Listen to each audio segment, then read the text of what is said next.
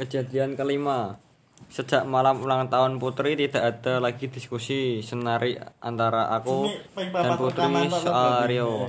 Aku bukan hanya semakin jengkel dengan laporan Putri atas hal-hal sepele yang seolah-olah pertanda cinta terbesar miliknya. Aku juga semakin jengkel karena Putri bahas membalik kalimatku. Lu nggak terima ya? Kalau Niko ternyata beneran naksir gue le. Dan kalimat itu sungguh membuatku salah tingkah.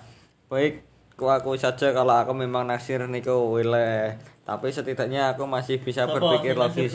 Mana yang sebenarnya pertanda cinta, mana yang hanya sekedar kebetulan, dialog biasa, atau sejenisnya. Ya Herdina. Aku juga kebetulan Ci, dialog biasa. Aku juga berharap selama ini Niko akan memberikan pertanda isi hatinya. Tapi bukan berarti aku akan mengarang-arang hatinya. Tapi bukan berarti aku akan mengarang-arang hatinya. Membiarkan hati membuat ilusi. Membiarkan hatinya menyimpulkan hal keliru. Yang aku tahu benar itu semuanya semu. Ya sekian dari saya. Terima kasih.